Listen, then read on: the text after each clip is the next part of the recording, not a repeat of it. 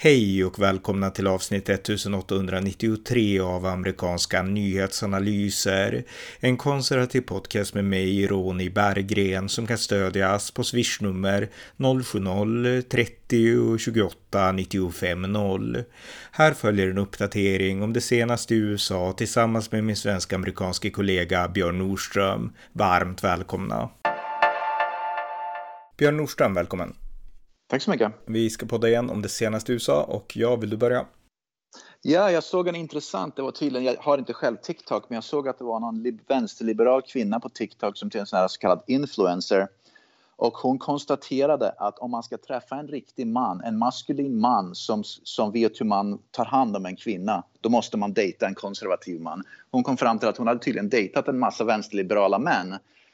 Och det enda hon hon, vad ska man säga, hon hade, hon hade gemensamt med dem, det var vad ska man säga, vänsterliberala värderingar. Men hon sa att de är att de, de vet inte hur man öppnar dörrar för kvinnor, att man liksom går ut på en dejt på rätt sätt. Allt sånt där som har med beteende att göra visste inte, vet inte vänsterliberala män hur man gör, utan det enda de hade var, det var gemensamma vad ska man, vänsterliberala värderingar. Så de sa att man måste börja kika nu på konservativa män för att kunna dejta en, en riktig man. Mm. Och det är inte helt förvånande, va? därför att liksom vänsterliberala män har ju feminiserats. Va? Och det här då klassiska, då, traditionella, att män öppnar dörrar för kvinnor, män betalar för middag när man går ut och på dejter och så vidare. Och så vidare va? Det har ju liksom förkastats av vänsterliberalismen. Va? Men de som börjar märka det nu, att det, de saknar det, det är kvinnorna. Därför mm. att de vill liksom dejta på ett, en, en, ja, en maskulin man som vet hur man, eh, liksom, ja, som man, hur man behandlar en kvinna. Mm, exakt. Och jag menar de här värderingarna, så att ha det så, jag menar förr så om det kunde avfärdas som det där är gammaldags och det är moralism och det är liksom könsroller. Idag är det här, det, det, det är det här som är den nya rebelliskheten, alltså att vara traditionell liksom. Och det kan ju gå fel också, alltså om man inte gör det naturligt. Men liksom, eh, alltså det är det som är så intressant, den nya rebelliskheten det är att vara konservativ. Ja, precis. Och det är intressant just här att, att, att vänsterliberala kvinnor, precis som jag såg en video också häromdagen, att allt fler svarta kvinnor börjar vill, vill inte längre dejta svarta män utan de vill dejta äh, män därför att svarta män, ja det, det finns vissa det, det är tydligen problem. Jag såg en intressant video med en kvinna som pratade om just det där och hon fick väldigt stort gehör och det gick viral då. En svart kvinna som pratade om just det där. Att, att man söker ett visst beteende hos män och vissa grupper har kanske inte det här beteendet till tillräckligt stor utsträckning som kvinnor vill ha. Nej. Ja, något mer? Ja, jag såg att det var en presskonferens i Vita huset för ett par dagar sedan och eh, presstaleskvinnan, vad heter hon, Jean, uh, Jean-Pierre mm. Karin eller vad hon heter. Hon började, det var en, en, en, journalist från Afrika, jag minns inte vilket land, det var ett afrikanskt land. Och så han var då utsänd från afrikanskt land och han kritiserade Joe Biden och ställde en kritisk fråga och hon blev skitförbaskad tydligen. Och Vita huset tog tydligen bort den frågan sen på videon de la ut. Så, och de skyllde på att det, var en det blev ett tekniskt fel. Med andra ord, Videon de la ut på presskonferensen hade inte med hans fråga utan det var ett tekniskt fel att den rök, vilket var väldigt konstigt därför att alla de andra journalisternas frågor var med. Mm. Så snacka om att vara oärliga, oärliga alltså. Och det var just intressant eftersom det var en svart afrikan som hon blev förbaskad på. Och han, hade liksom, han förstod kanske inte att när det gäller Biden då ska man vara... Då ska man vara... Nej. Då ska man fråga på ett visst sätt och man ska vara snäll och trevlig. Så han, råkade, han kunde väl kanske, han råkade väl ställa en för tuff fråga helt enkelt. Mm, ja. ja, Precis, precis. En sak som jag, jag kan slänga in en sak här, jag har inte läst detaljerna om det kommer bli av, men det har ryktats om en, alltså en MMA-fight, alltså en riktig, eh, ja. alltså ett riktigt slagsmål mellan två ja. personer som ingen kan associera med sånt, nämligen nörden, liksom Mark Zuckerberg som, som grundade Facebook och Elon Musk som äger Twitter och har grundat en hel massa företag. Alltså att de två ska liksom fightas, alltså slåss på riktigt. jag vet inte om det ja, stämmer, men... Mm. Det stämmer, jag har läst, ja det stämmer det där. Det var tydligen, jag tror det var Zuckerberg, Zuckerberg tränar faktiskt MMA med mig om jag fattade rätt. Så han är faktiskt inblandad i det där på riktigt. Okej, okay, det trodde jag inte. Okay. Musk har det inte, men om jag inte minns fel, det, det, går, det går ju att kolla upp det där. Men jag har för mig, jag läste någonstans att Musk faktiskt, äh, inte förlåt, eh, Zuckerberg faktiskt tränar med mig. Hmm. På något vis. Så att, jag är inte helt förvånad, men det, blir, det ska det bli den största, vad de kallar för pay-per-view jag tror det är Las Vegas, för alla som är stora fighterna går väl Las Vegas då, men det ska bli den största pay-per-view-grejen tror jag i historien i USA. Ja. I alla fall. ja, det blir jättekul om det blir av alltså. Jag vet inte, finns det någon tid? Nej, ingen vet när kanske, men, men det, ja, det verkar kul. Ja, det är i alla fall snack. Det, utmaningen det finns i alla fall. Snacket är att båda tackat ja. Mm. Men sen är det bara frågan om att sätta ihop allt det praktiska. Ja, ja. ja något mer? Ja, Arizonas guvernör Katie Hobbs har gjort nu två executive orders som jag inte håller med om och bägge är för transgenders. Nummer ett, det är att Arizona, skattebetalarna här i Arizona ska nu tvingas betala transgender surgery. Som andra ord, jag, hmm. jag ska behöva betala för barn som ska gå igenom transgender surgeries. Och um, den andra är att man får inte uh, vad ska man säga, det, det, det, kallas för conversion therapy, jag vet inte konversationsterapi. Ja. Conversion therapy. Ja, exakt. Ja, be för människor som är homosexuella till exempel att de ska liksom, ja, ändra läggning. Alltså det är ju schablonbilden av det, men typ så. Ja, att inga skattepengar får gå till att försöka få barn att, och, och, och, och vad ska man säga, människor att ändra på sig. Mm. Om det är det de vill. Uh, som andra ord, ett, en person som då vill byta kön automatiskt får det betalt, ska det få det betalt då, uh, av skattebetalarna men en person som vill ha hjälp att okej, okay, jag, jag, jag, tror att jag är transgender men jag vill inte vara det. Jag vill återgå till vad, vad ska man säga, en, det könet som jag är född i då ska det inte finnas någon form av skattefinansierad hjälp för den personen. Nej, och kolla vilka omvända värderingar. För jag menar, alla Precis. de här som vill byta kön, jag menar, många av dem, vissa, absolut, det ska vara lagligt, det tycker jag, liksom, om du är vuxen och sådär. Men, men liksom, många av de här, det är en identitetskris. De har blivit förvirrade av sociala medier, unga människor, de har blivit förvirrade av samtiden och de blir affirmed. Alltså, jag har inget bra svenskt ord för det, men affirmed är ett perfekt ord, tycker jag. Men, men liksom, äh, av liksom vuxenvärlden, av lärarna, av liksom hela omgivningen, att ja, men du är det du ja. känner, liksom istället för vuxna som guidar dem sakta men säkert åt rätt håll i livet liksom. Så att där ska det ge skattestöd för dem i deras förvirring medan människor som vill hjälpa dem att vara stabila liksom, de ska inte få något stöd liksom. Och det finns ju otroliga, jag menar, var ska man dra gränsen? För jag menar, alla, det är inget snack om, att man kan aldrig tvinga någon att liksom byta sexualitet, det är ju liksom, det, det är liksom inget sånt såklart, utan när det är pastorer, präster som ber för människor, då är det människor som frivilligt söker hjälp liksom. Och vill de inte ha den hjälpen kan de gå till andra miljöer och sådär. Och jag menar, var ska man dra gränsen? Jag menar, om vi säger att homosexualitet är accepterat, vilket är och vilket ska vara lagligt och sådär. Men om det är andra som söker hjälp för sin sexualitet, tänk om det är en pedofil som känner jag lockas av, jag dras till barn liksom. För jag menar, det tycker ja. hela samhället är sjukt, kristendomen tycker att det är sjukt och att det är ett fel. Men ja, men vi kan be, vi kan liksom avhjälpa att det här, liksom be Gud hjälper med det här liksom. Ska det också vara fel? Ska det också stämplas som liksom att, att det är liksom omvändelseterapi liksom från den formen av sexualitet? Jag menar, då kommer inte de få någon hjälp heller, utan då är de fast och liksom, då har de möjligheten att liksom bli pedofil på riktigt, begå övergrepp och hamna i fängelse. Eller att söka en hjälp som liksom på något sätt, jag menar, det omvända tänkandet, det, det är liksom, var ska man dra gränsen? Jag tycker inte att lagstiftare och politiker och allmänheten har liksom nyanserat debatten här, utan allt är så otroligt enkelriktat. Omvändelseterapi, då är man liksom intolerant, man är homofobisk och så vidare, medan är man affirm, affirming till liksom könsbyten, då är man tolerant och bra och så. Ja, precis. Det är helt galet egentligen. att man kan man, man upp, I princip en ny, hon då ska stifta en, har gjort executive orders där man, där man kan förstöra sin egen kropp och få det betalt. Bokstavligen permanent förstöra sin egen kropp och få det betalt via skattepengarna. Men om samma person vill undvika att förstöra sin egen kropp permanent, då får man betala ur egen ficka för att få den hjälpen att liksom försöka undvika det och förebygga det. Va? Helt galet alltså. Mm, verkligen, verkligen. Ja, något mer? Ja, nästa grejen det är, det här också visar hur universitetsvärlden här i USA har spårat ur. Eh, det finns ett college som, i, i, ett universitet som ligger i San Antonio, Texas som heter St. Philip's College. Och en biologiprofessor blev just sparkad från det colleget. Och även om det ligger i Texas, universitetsvärlden har ju liksom sin, e kör sitt eget race. Så det spelar ingen roll om du är college i Tex universitet i Texas. Du kan ju fortfarande liksom vara extremt vänsterliberal. Va? Uh, det var en biologiprofessor som har undervisat en biologiklass i 20, vi pratar alltså om biologi här, ett vetenskapligt ämne. Han har undervisat samma klass, tror jag, 23 år eller vad nu 20 år någonting. Och hans, hans eh, undervisning går ut på att förklara att män och kvinnor har olika kromosomer, X, Y och XX. Det är liksom den här biologin vad han pratar om då. Men tydligen var det en grupp elever som blev så himla upprörda och kränkta över att män och kvinnor har olika kromosomuppsättningar biologiskt sett i kroppen. De gick och klagade till universitetet. Universitetet sparkade professorn. Nu har ju professorn då stämt universitetet då, naturligtvis. Men att man får sparken när man undervisar vetenskaplig biologi med fakta. Och han har gjort det då i 20 år och ingen har sagt någonting. Mm. Alltså det är helt otroligt. Det är helt otroligt hur denna vänsterextrema eh, galenskapen har tagit över nu. Att man inte kan längre undervisa mm. vetenskapliga fakta som, har, som är liksom bara som är, som är liksom fakta. Mm, exakt, jag menar, här har vi liksom dels den här vänsterliberala eliten, vuxna människor som skapar narrativen och sen pådyvlar man de här narrativen på ungdomar som i sin tur pressar uppåt, i det här fallet skolan och liksom rektorerna och skolstyrelsen och sådär. Jag menar,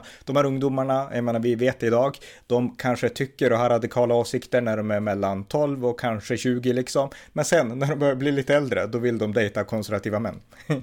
Precis, så, det så, så jag menar, så jag menar, vuxenvärlden borde ju på något sätt liksom respektera deras frihet men samtidigt inte låta sig dikteras av barn. Jag menar, det brukar oftast inte bli bra. Så jag menar, och det är det som händer nu, man låter sig dikteras av barn. Det, det är så absurt så att, eh, ja. Ja, problemet är också det att universitet då, de har ju, vad ska man säga, även om professorn då undervisar vetenskap, de har ju då, vad ska man säga, de här eh, de höjdarna inom universiteten har ju ofta, är ofta vänsterliberaler. Då. Det är liksom, de har ju infiltrerat, vänstern har verkligen lyckats infiltrera universiteten här i USA de senaste decennierna. De har ju satsat stenhårt på det. Va? Så när eleverna kommer springande då till han som är dean av eh, liksom department head eller dean eller vad det nu är, så, så omedelbart så står ju den personen då på vänsterliberala aktivisternas sida och vill försvara det där narrativet och då får man ju sparken. Och det, det visar ju då att, att universiteten styrs inte av folk som är liksom där forskning och vetenskap gäller utan det styrs av aktivister. Mm. Och det här är ett solklart bevis för det. Va? På tal om aktivism så i Kanada så har man ändrat, jag menar vi brukar säga LGBTQ brukar vi säga och allt det här står ju för någonting les, lesbian, gay, bi and transsexual. Eh, Kanada de har uppdaterat den här alfabetskombinationen. Jag trodde att yeah. alfabet betydde liksom psykiska diagnoser här i Sverige men när jag läser amerikanska sajter då refererar man till de här sexualiteterna. Och Kanada har nu alltså en, alltså jag ska läsa bokstav för bokstav här. Istället för att börja säga hbtq eller hbtqi eller lgbt som man säger i USA så säger man nu i Kanada, jag läser på svenska, bokstäver och siffror, 2 SLGBTQI plus. Det är liksom beteckningen. Oh, och det ska beteckna olika. Och det här i det ska vara indi, indi, indi, indigenous, alltså indianer typ. Det, det ska beteckna dem som är icke-hetero. Alltså det, det är så absurt att, jag menar du berättade att du hade någon homosexuell vän som tyckte att, ja, det, här är helt, det. att det här har gått för långt, att det här är helt absurt. Ja. Jag menar, ja. det, här, det här är verkligen absurt. Jag menar, vad tror sådana här rörelser att de ska få för, tror de att allmänheten ska haka på alla de här liksom nya diskurserna hela tiden? Tror de det? Jag trodde att det här plustecknet skulle beteckna allting annat som Exakt. inte var en bokstav i det hela. Men det, men det räcker det inte. Det räcker inte. Det räcker inte. Plustecknet, det är liksom, precis. Och det de också gör, det är ju så fruktansvärt också, att de bara trycker in nya grupper. Gruppen i sig, om det ska till exempel vara native americans eller indigenous people eller vad det nu är, så det här i då, den gruppen har inget att säga till om. De här vänsterextremisterna bara trycker in en helt ny grupp. Och sen säger att nu är ni med i vår hbtq-grupp och ni har inget att säga till om. Om ja. ni inte är med i vår grupp, om ni liksom motsätter er det, ja då är ni homofober. Ja. Det, det, är så fruktansvärt som de beter sig alltså, på tal om det. Ja, det här är sexualfascism, det är det enda rätta ordet för det här. Ja, visst, det är, det här är helt otroligt. Va? Men det är därför, som jag nämnde, då, det är därför allt fler människor, individer inom de här grupperna som, börjar, som säger att vi vill inte längre vara med i det här därför att vi vill liksom inte ha barn inblandade, vi vill inte ha det här, vill inte, så att det här kommer att splittras upp snart. Och jag såg till exempel det senaste nu som de här lagen gör det är att de går och skriker. Jag såg, det, det, kan youtuba upp det här, va? jag tror det var Orlando eller var Toronto eller var flera olika sådana här, Seattle. Det är Pride-tågen, de går då nakna, män går omkring nakna nu och de visar upp sig bokstavligen nakna. Man går inte längre, man har inga kläder på sig längre utan det är massa människor som bara är totalt nakna framför barn och så skriker de i talkör. We are here, we are queer, we are coming for your children. Vi är här, vi är queer, vi, kommer mot, vi, vi tänker ta era barn nu. Jag vet inte om, det är om de bara vill provocera eller vad det nu än är, men det är någonting som är fundamentalt fel i en rörelse där de skriker, där, de då, där det helt, liksom, vad ska man säga, där, de bokstavligen börjar gå efter barn nu. Mm. När, när vi vet att det här, är, det här är någonting som är väldigt fel. Ja, de som beter sig så är pervon helt enkelt. Och vi måste börja prata så igen, alltså att det finns perversioner, någonting som är felaktigt. Vi kan liksom, tiden när vi börjar prata om det där är moralism, den är ute, utan nu måste vi vända på kakan åt andra hållet och konstatera att det finns sexualiteter som är problematiska. Sen alltid respekt för individens frihet, men om man håller på att prata om barn så här, då har man ju gått över en gräns. Så jag menar, återigen, jag menar, de som beter sig så, de kan, de kan inte göra det för att de tror att allmänheten ska på något sätt tycka att nu ska vi bejaka fler rättigheter. Utan det blir ju exakt tvärtom. Det, och jag förstår inte att de inte förstår det, eller så förstår de sig, men de bryr sig inte. Ja, visst, jag, jag har flera homosexuella vänner och bland annat en som jag har känt i över tio år och hon har, hon har redan, för tio år, redan för tio år sedan innan den här extremgalenskaperna drog igång, redan för tio år sedan sa hon att, att den här HBQT-rörelsen håller på att spåra ur. Att hon vill inte längre vara med i det där, gå i de tågen eller någonting. Vill inte ha någonting med det att göra. Mm. Men jag snackade också, jag har en annan homosexuell vän som jag snackade med för ett par dagar sedan. Vi hade frukost tillsammans. Och um, han förklarar också det att, att det här man drar in barn i det hela, att man, att man ska då alla går ut och kallar, man måste liksom på sina e-mails så ska man tala om vilket kön man är och allt det där. Så att det här är helt galet alltså. Jag vill inte ha mm. någonting med det. Jag vill bara kunna leva mitt, mitt liv som vanligt men alla de här galenskaperna som pågår förstör för mig. För folk börjar titta på mig nu som att du är också en del av den där galenskapen, vilket jag inte är och jag vill inte vara det. Så jag, liksom, jag, jag vill liksom inte vara, jag vill bara leva mitt liv. Mm, mm, exakt. Och jag menar, jag vill betona sista saker innan vi går vidare. Jag menar, tänk de här uh, sexualfascisterna, de går i Pride-tågen, alltså generellt och så beter sig ja. som de gör. De är fascister, alltså de vill att alla ska falla in i deras folla, tycka som de, ja. be, liksom bejaka dem och affirm, återigen det fina ordet, liksom det de gör. Ja. Och gör man inte det, då är man intolerant, då är man hatisk och då förtjänar man att hatas och anklagas och liksom bli påslagen liksom. Jämför jämför det med kristna konservativa som kanske tycker att även homosexualitet är fel och att Gud har tänkt att det ska vara man och kvinna. De är toleranta mot homosexuella. Det är det jag vill betona för en svensk publik. Därför att jag menar, kristna konservativa går, beter sig inte så mot homosexuella, utan de är möjligtvis, om det är någon som känner att jag är homosexuell, är det här Guds tanke för mig eller är det inte det? Då kan den kristna förklara att nej, men Guds tanke är man och kvinna, Adam och Eva. Och vi kan be liksom att Gud liksom, ja, förändrar ditt liv egentligen, för det är det som är grunden, det är inte sexualiteten ja. som är grunden. Eh, men det är inte att man är respektlös mot homosexuella homosexuella. Jag menar, du bor i USA. Jag menar, du kan förmodligen liksom bekräfta att, att det är så. Att kristna är inte liksom hatiska på det sätt som sexualfascisterna i Pride-tågen är. Det är ja, absolut är det så. Det är precis det vi har pratat om flera mm. gånger i den här podden. Men jag vill betona det, för i Sverige ja, fattar man inte sånt alltså. Ja, ja. När, när, när, när, till exempel då homose- när HBQT-rörelsen sätter upp sina bås då liksom, på, liksom för att då, ja, de, man sätter ju upp på festivaler, karnevaler eller Pride. Det, det kommer ju inga kristna grupper och börja vandalisera och slåss och börja liksom trakassera dem. Va? Det gör de ju inte. Punkt slut, det sker inte. Va? Men när kristna grupper sätter upp bås då, under festivaler eller på universitet eller vart det nu är. Bokstavligen HBQT-rörelser, människor i den rörelsen kommer och vandaliserar, hotar, trakasserar och börjar slåss. Mm. Punkt slut, så är det. Den aggressiva gruppen är HBQT-gruppen. Så är Tyvärr, det, det, det, liksom, men det är någonting som svensk media och här, även här i USA, vänsterliberal media försöker dölja och mörka att det är de som är de toleranta. Det är absolut inte de mest intoleranta, det är hbqt-personerna. Det är vänstern, det vet vi. Mm. Och då har vi två grupper som kommer fightas. Det är LGBTQ plus och alla möjliga bokstäver. Den rörelsen kontra den växande muslimska rörelsen som ja. inte är tolerant på det sätt som kristna är. Alltså det är så viktigt att betona det här. Kristna är toleranta, man kanske inte håller med om beteenden eller livsstilar, men man är tolerant mot individer. Muslimska grupper är inte det på samma sätt, utan där vill man införa alltså islamisk lag egentligen som ska förbjuda det ena och det andra. För jag menar, kristna vill generellt inte förbjuda pride. Det kanske var så förr när man var van vid en total kristen världsbild, det kan jag köpa att kristna var emot då, liksom därför att man var van vid det samhälle man hade. Men det var inte för att man i grunden, grund och botten var emot yttrandefrihet som princip. Och liksom i takt med tiden så har man accepterat att de finns och de ska få finnas, men vi har också rätt att säga vad vi tycker ungefär. Så jag menar, eh, ja, kristna är ju den perfekta mellanpositionen. Alltså om det är några försvarare som den här LGBTQ-rörelsen skulle behöva och skulle bejaka, då är det ju kristna. För kristna kommer alltid försvara deras rättigheter, att ha vilken sexualitet de vill, om de gör det frivilligt och det handlar om vuxna. Men men de kommer aldrig att liksom, liksom på något sätt anpassa sig efter islamiska sharia-lagstiftningar. Det kommer kristna heller aldrig att göra. Så kristna är de perfekta att liksom hålla balansen här. Och det tycker jag fler borde inse även här i Sverige. Jag tror, jag tror vi nämnde det i en podd här. Om, vi har ju nämnt sådana här exempel nu här i USA och även i Kanada. Där en muslim, och i Bryssel tror jag också det var när muslimer rök ihop med HBT. Och jag tror för första gången så var det väl en svensk, jag tror vi nämnde det också i en podd, var Sofie Lövenmark eller något sånt där för, vad ni, jag kommer inte mm. exakt ihåg vad hon heter. Hon är mm. precis Expressen som skrev att oj då, det är tydligen islam har tydligen problem med hbqt-rörelsen och där kan det gå snett ungefär. Mm. Så, att, så att jag tror att folk bara får upp ögonen för det där eller man vågar kanske prata om det mer men det är ju där den stora civilisations det stora civilisationskriget, skulle jag på att säga, uh, i västvärlden och framförallt i Sverige nu eftersom islam växer så himla snabbt. Va? Sverige är den mest extrema vad gäller, vad gäller liksom hBTQ-gruppen och sen blir det extremt också med en stor grupp muslimer. Va? Mm. Det, det är liksom den fighten kommer inte att kunna undvikas. Nej. Punkt slut. Den kommer, att, den kommer att ske. Den måste ske. Därför att två sådana olika grupper kan inte leva tillsammans. Nej, och jag skulle säga att där, Sverige är ju värre än USA. För jag menar, i Sverige är de islamiska grupperna starkare, de växer snabbare. Ja.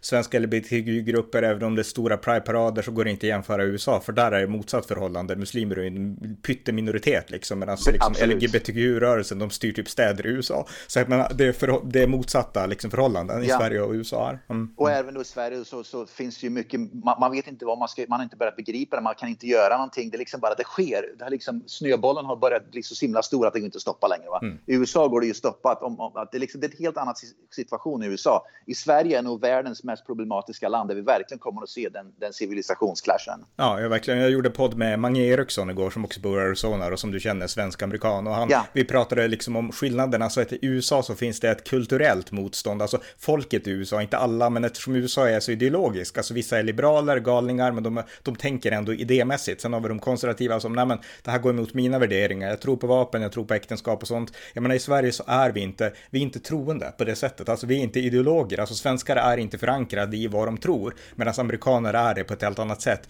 Och det gör att USA har en folklig liksom försvarsmur på ett sätt som Sverige inte har, utan vi lyder diktat uppifrån och vi tycker som diktatorn ungefär, medan ja. det skulle man aldrig göra i USA oavsett om man är vänster eller höger. Precis. Och på tal om, bara på tal om uh, Pride-rörelsen och så vidare va?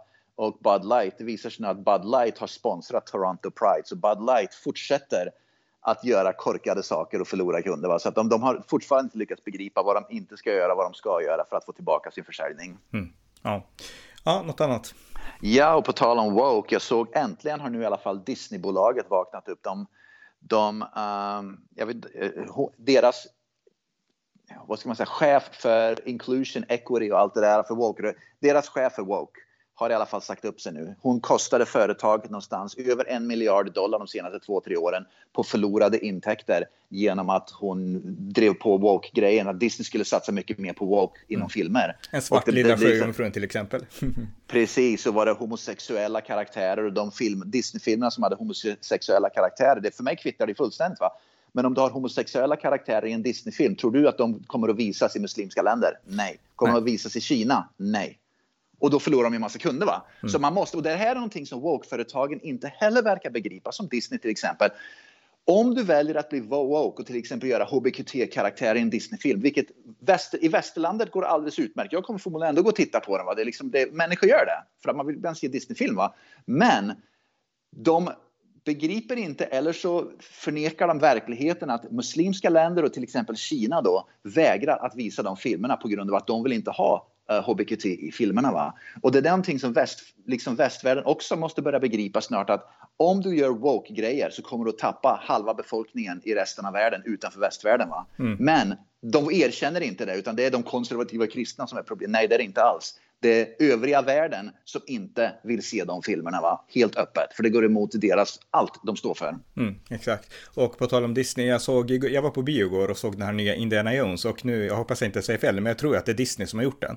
Eh, nya Indiana Jones med Harrison Ford och eh, den var jättebra, den var inte woke utan den var, den var cool, en cool avslutning på den här serien, de Harrison Ford som Indiana Jones. Men då såg jag också reklam på sidan om bion och det var en ny Spiderman, jag tror att den är animerad, men det var alltså Peter Parker, Spindelmannen ja. som svart. Den har jag sett. Ja, jaha, du har sett den? Okej. Okay. ja, den har jag sett. Ja, det stämmer. Ja, och han var svart alltså. Jag menar, jag kan tycka ja, det att... Stämmer.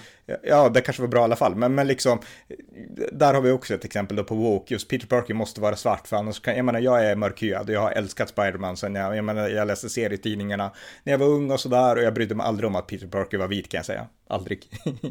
Nej, precis. Men... Ja precis. Men uh, jag såg också att det var ett snack om att James Däremot Bond... hade jag tyckt att det var extremt illa om, om Indiana Jones hade varit svart. Då hade jag typ gått därifrån. ja, precis. Jag såg att, uh, uh, vad var det jag skulle nämna nu?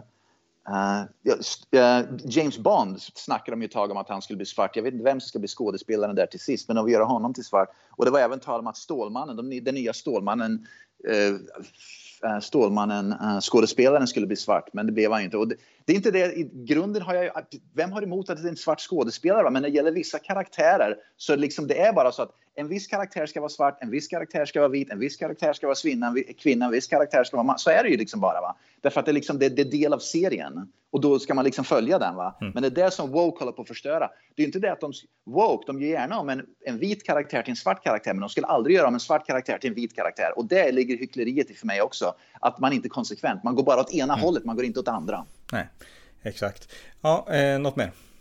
Ja, jag såg att eh, i New York nu, eh, för att rädda klimatet så har man, går man efter pizzabagare nu i New York. Så pizzaindustrin i New York kommer nu att förmodligen läggas ner därför att Pizzabagare kräver ju då, man har ju, jag kan inte mycket om det, men de har ju vissa pizzaugnar så man ska ha en viss typ av ugn då för att kunna göra sin pizza. Va? Men de ugnarna nu är tydligen klassificerade i delstaten New York som miljö alltså klimatovänliga. Så pizzabagare nu i New York måste byta ut alla sina pizzaugnar till någonting som är mycket mer klimatvänligt. Va?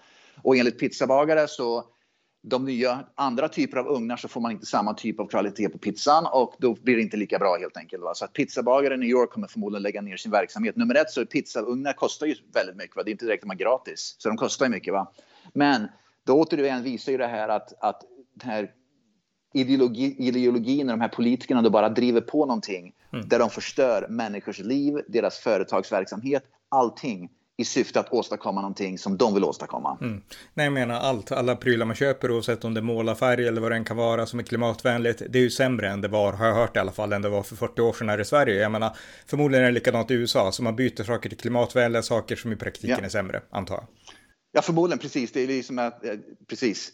Uh, och det visar sig i framtiden, det är som att de här elbilarna, då man, för, för att göra ett batteri till en elbil, jag har läst det där, det krävs ju hur mycket liksom fossilbränsle som helst för att göra ett, ett batteri till en elbil. Mm. Och jag menar, problemet är, det är ju inte att man tänker på klimatet eller vill göra en grön omställning, utan Problemet är att man bara tänker på det. Alltså man tänker liksom totalt tunnelseende. Allt annat måste böja sig efter den här ja. liksom apokalypsen som vi närmar oss om vi inte gör drastiska åtgärder. Och sen tänker man inte på någonting annat. Utan är man, om man vill betrakta sig som progressiv, då ska man tänka på klimatet. Sen kan man, och kanske liksom hbtq-rättigheter.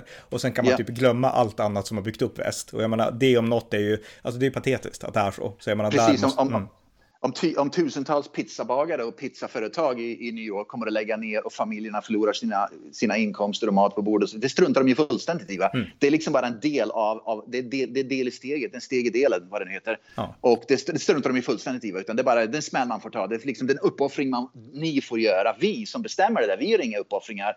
Vi flyger fortfarande våra privatplan. Jag såg till exempel nu, vi pratade om att Pete Buttigieg som pratar som då vill göra om alla de här klimatomställningarna. Han flyger i sitt privatplan konstant. Tydligen så har republikanerna i kongressen nu vill stifta en ny lag där Pete Buttigieg specifikt inte får använda privatplanet lika, lika ofta. Med andra ord att om, han, om det finns billigare resor att flyga kommersiellt, då ska han flyga kommersiellt. Därför mm. att de anser att det är alldeles det slöseri på skattepengar. Va? Men det visar just det här att Pete Buttigieg, John Kerry, alla de där rika personerna, de flyger privat. Men vi andra måste göra uppoffringar. De mm. gör inga uppoffringar. Nej.